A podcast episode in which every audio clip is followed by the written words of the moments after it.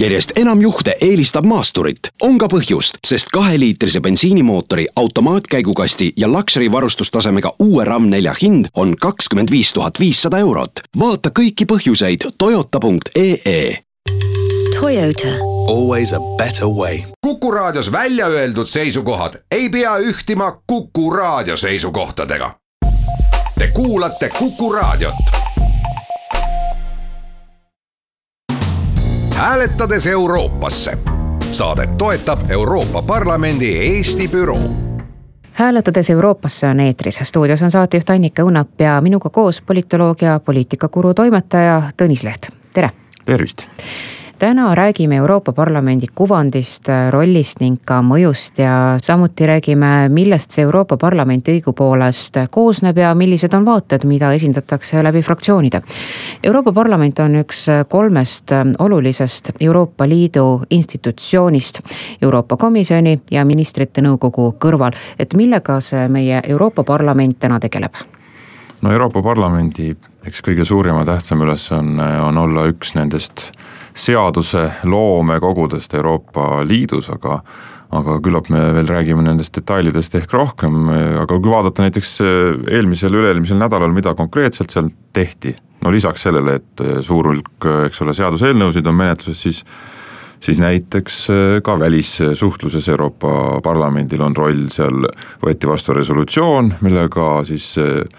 tunnustati Venezuela ajutist presidenti Juan Guaido'd Eh, kui ametlikku riigipead ja kutsuti üles kõiki liikmesriike seda eeskuju jälgima, mida, mida teiste seas ka Eesti on teinud. siis toimus seal veel ka Euroopa Liidu tuleviku debatt eh, Soome peaministri Juha Sibila eestvedamisel.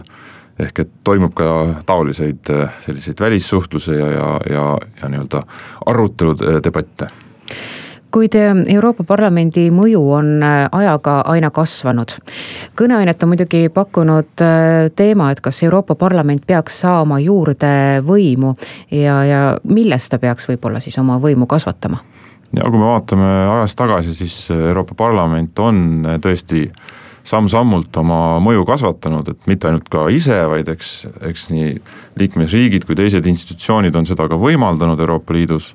seitsmekümne üheksandal aastal esimest korda valiti Euroopa Liit otse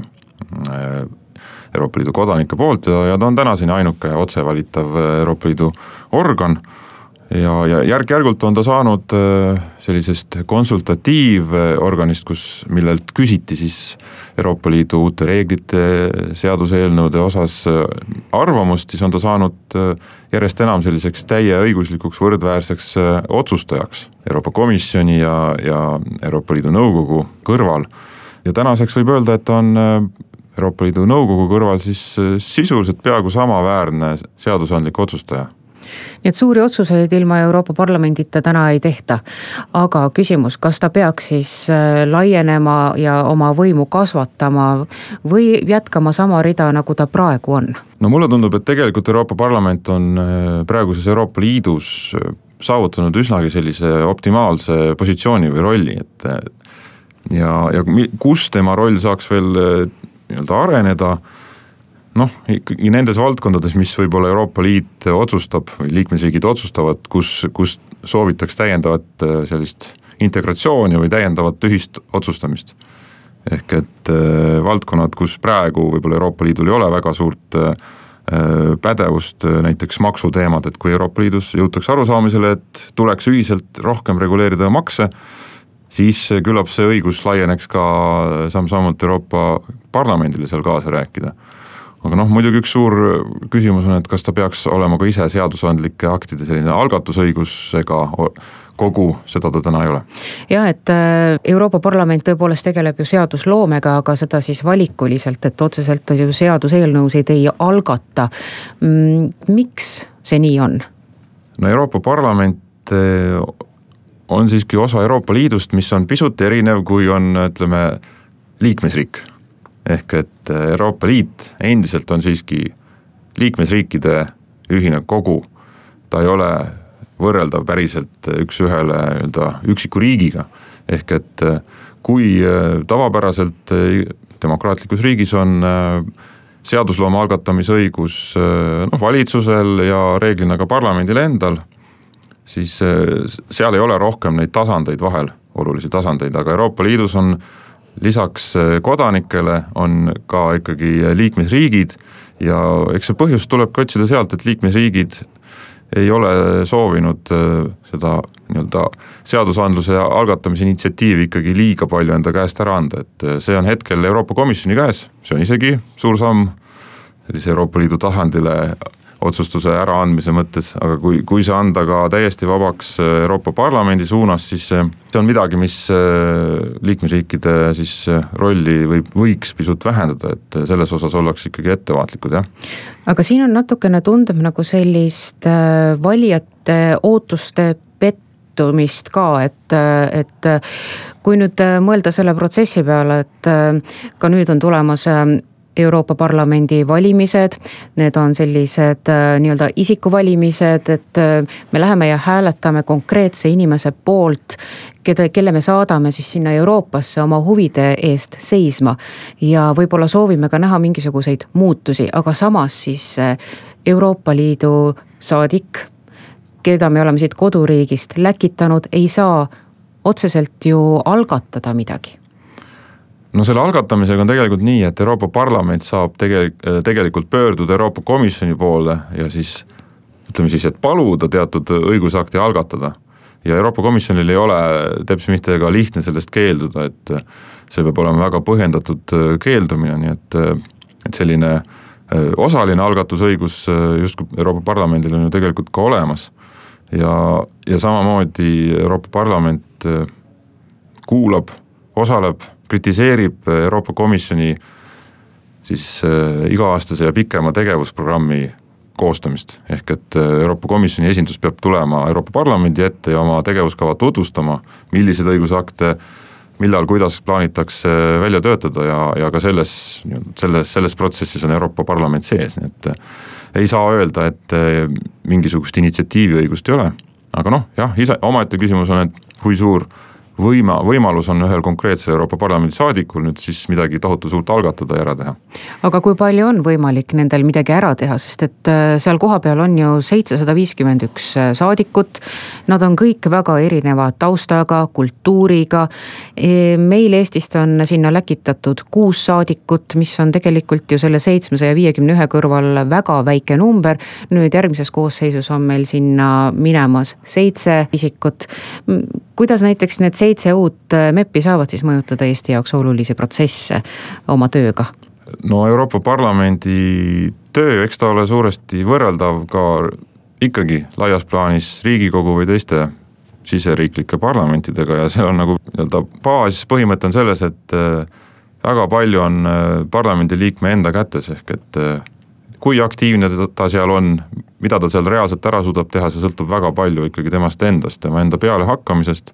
ja ehkki meil on äh, tõesti nii hetkel kuus, tulevikus siis seitse esindajat äh,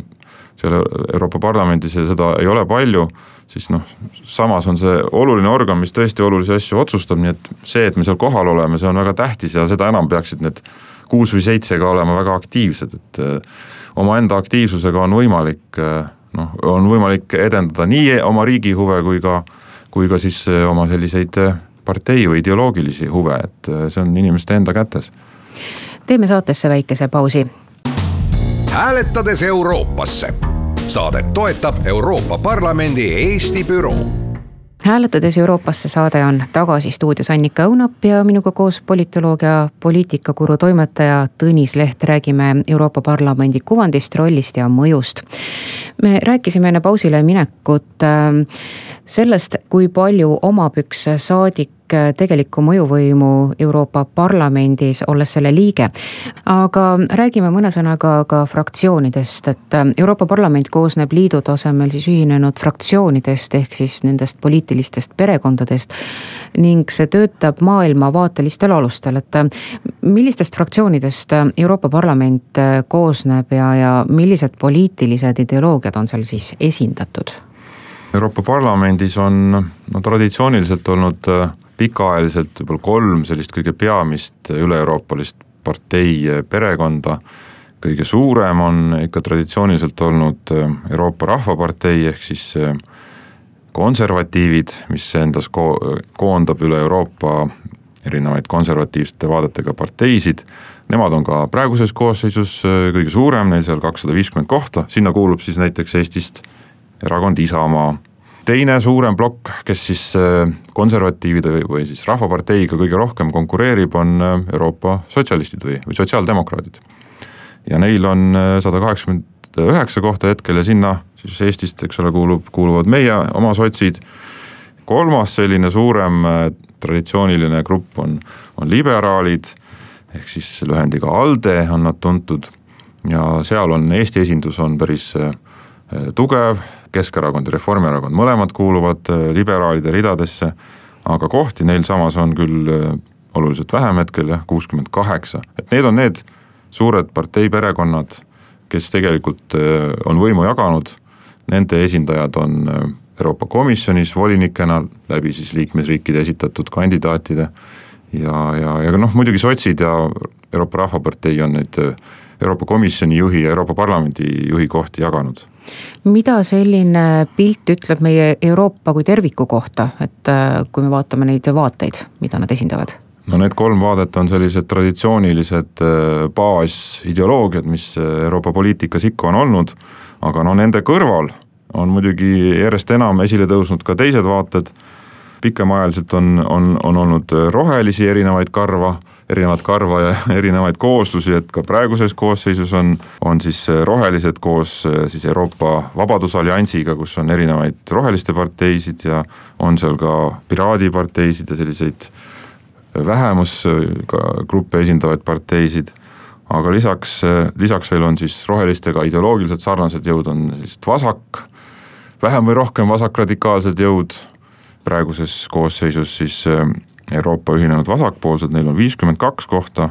seal on seal endiseid kommunistlikke parteisid, seal on Kreekast Syriza partei, Saksa Die Linke, Hispaaniast Podemos, sellised, sellised jõud. ja no loomulikult siis väga jõuliselt esile tõusev ideoloogiline vaade on, on ütleme, rahvuskonservatiivsed või ka parempopulistlikud, paremradikaalsed jõud, kuidas iganes neid siis püüda nimetada, et neid grupeeringuid vähem või rohkem radikaalseid on seal, on seal kaks, et selline vähem radikaalne, võiks öelda lihtsalt konservatiivne grupeering on, on selline grupeering äh, pealkirjaga Euroopa konservatiivid ja reformistid seitsmekümne kolme kohaga. Ja no siis leiame veel radikaalsemaid, nii-öelda päris radikaalseid jõude, kus on ütleme, parem, paremäärmuslikke vähem või rohkem parteisid. kui me mõtlemegi selle radikaalsuse peale ja siis äh, nii-öelda nende äärmuste peale, siis äh, tegelikult ju mõnes mõttes, kui me vaatame ja jälgime seda, mis toimub nüüd siin Euroopas ja, ja kõike seda Euroopa Liidu vastasust ja, ja kuidagi sellist nagu Euroopa Liidu jalgealuse õõnestamine toimub ju päris aktiivselt. et mis te arvate, kas nüüd äh, Euroopa Parlamendi järgmises koosseisus on selliseid selliseid ähm, radikaalseid või, või skeptikuid enam kui kunagi varem? jah, seda võib küll kindlasti ennustada, et äh, euroskeptilisi või äh, lausa väga jõuliselt Euroopa Liidu vastaseid parteisid ja nende esindust saab olema Euroopa Parlamendis rohkem kui varem ja noh ne,, nende osakaal ongi juba ju iga valimisega siin viimastel kahel-kolmel korral ka kasvanud, et äh, need kolm traditsioonilist suurt parteid siis konservatiivid, sotsid ja liberaalid, nende esindatus on kogu aeg sammukese haaval vähenenud ja arvata võib, et see ka nende eelseisvate valimistega jätkub samamoodi, aga vaadates nüüd neid äh, Euroopa skeptilisemaid jõude, paremradikaalsemaid jõude, siis äh, siis establishment'i esindajad võib-olla võivad natuke selles mõttes kergemalt hingata, et need, see on ka väga kirju seltskond, neil on väga raske sellist ühtset plokki moodustada, et nad, nad saavad olla küll võib-olla ühisel meelel, ütleme, olla Euroopa Liidu mingite teemade vastu, aga, aga ühise pinna leidmiseks mingil väga jõulisel ühiseks ühe... tegevuseks on neil raske leida. et nagu ühesõnaga, neil on liiga palju asju, mille vastu nad tahaksid protestida no võib ka ju nii öelda, et on ühiseid asju, mille vastu nad on, aga samas on ka selliseid vastandlikke teemasid, kus nad võivad omavahel ka konflikti sattuda, nii et neil on sellise ühise perekonna loomine ei ole lihtne ülesanne, seetõttu on nendel traditsioonilistel suurtel parteidel võib-olla võimalik enda domi-, domineerimist ikkagi veel hoida huvitav, mida selline olukord võib tekitada siin, noh, võib-olla ei ole tõepoolest need järgmised parlamendivalimised veel sellised, et kus neid skeptikuid sinna Euroopa Parlamenti üleliia palju tuleb, aga kui me mõtleme veel sellest edasi nende ületulevate valimiste peale või sealt veel edasi, et, et et mis siis ükskord saab, kui neid skeptikuid seal liiga palju koos on? Noh, võib-olla on sellised hinnangud, et kas on skeptikuid liiga palju või vähe, need peavadki jääma nagu valijate teha, aga selge on see, et äh, isegi kui nad ei, sellised skeptilised jõud ei domineeri, siis äh, nende olemasolu seal Euroopa Parlamendis agendat ja üldist poliitikat Euroopas mõjutab. See on, see on fakt, nad ei pea selleks olema tingimata ka võimul. see omakorda tähendab, et Euroopa Liidul tulevase ütleme, integratsiooni, süvendatud koostöö ja arendamine mingites uutes valdkondades muutub ähm, senisest raskemaks aga räägime saate lõpetuseks ühe sellise äh, huvitava nähtuse ka lahti, et äh, meil siin korraga oli juttu sellest, et äh, kuidas saavad siis nüüd olla niimoodi, et meilt siin Keskerakonna saadik ja, ja Reformierakonna saadik on järsku siis avastanud Euroopas ühise vaate. et noh, meil paratamatult on nüüd olukord, kus meil tõepoolest on Eestist läinud, ma vaatasin, Yana Toom, kes siis kuulub Euroopa Demokraatide Liberaalide Liidu fraktsiooni ja, ja siis Igor Gräzin, kes siis on nüüd tõepoolest eksreformikas juba, aga, aga, aga näiteks nad on seal Euroopas leidnud ühise keele ja istuvad ühes fraktsioonis, kuidas see nii saab olla? no see on tegelikult äh, väga loomulik seetõttu, et äh, nii Keskerakond kui Reformierakond kuuluvad siis Euroopa liberaalide ehk siis ALDE poliitilisse perre ja sealt äh, selline fraktsiooni valik on suuresti automaatne valik, kohati siit vaadates võib-olla tunduda meile imelik, aga aga seal Euroopas ei ole selles nii imelikku midagi, et need eh, parteipered on siiski koosnevad üsna erinevatest parteidest ja seal võib see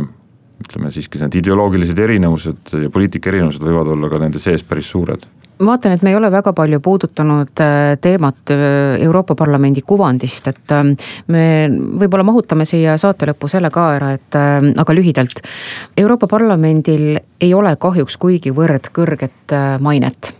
ja, ja see kuvand äh, rahva jaoks ongi kuidagimoodi kauge ja võõras. miks see niimoodi on ja, ja kas näiteks Euroopa Parlament peaks oma mainega rohkem tegelema? no kui me vaatame natuke laiemalt veel, siis äh, ka Eesti kontekstis ja üle terve Euroopa Liidu praegu on Euroopa Liidu kui terviku maine ja toetus Euroopa Liidule on vaata et äh, läbi ajaloo kõige kõrgem, et Eestis küll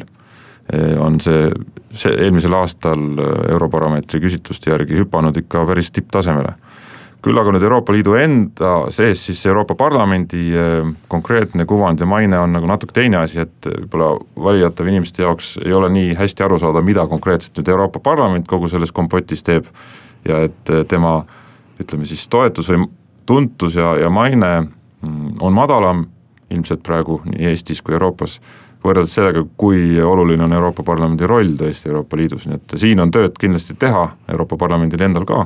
aga jah, see Euroopa Liidu süsteem ei ole teab kui lihtne, nii et selles mõttes midagi väga imestada ei maksa, et äh, kodanikud ei saa väga täpselt aru, et mida üks või teine organ teeb ja, ja mis nende roll seal täpselt on aga suured tänud, hääletades Euroopasse saade tõmbab tänaseks joone alla, tänan kuulamast. stuudios olid äh, saatejuht Annika Õunap ja minuga koos siin politoloogia poliitikakuru toimetaja Tõnis Leht. hääletades Euroopasse. saadet toetab Euroopa Parlamendi Eesti büroo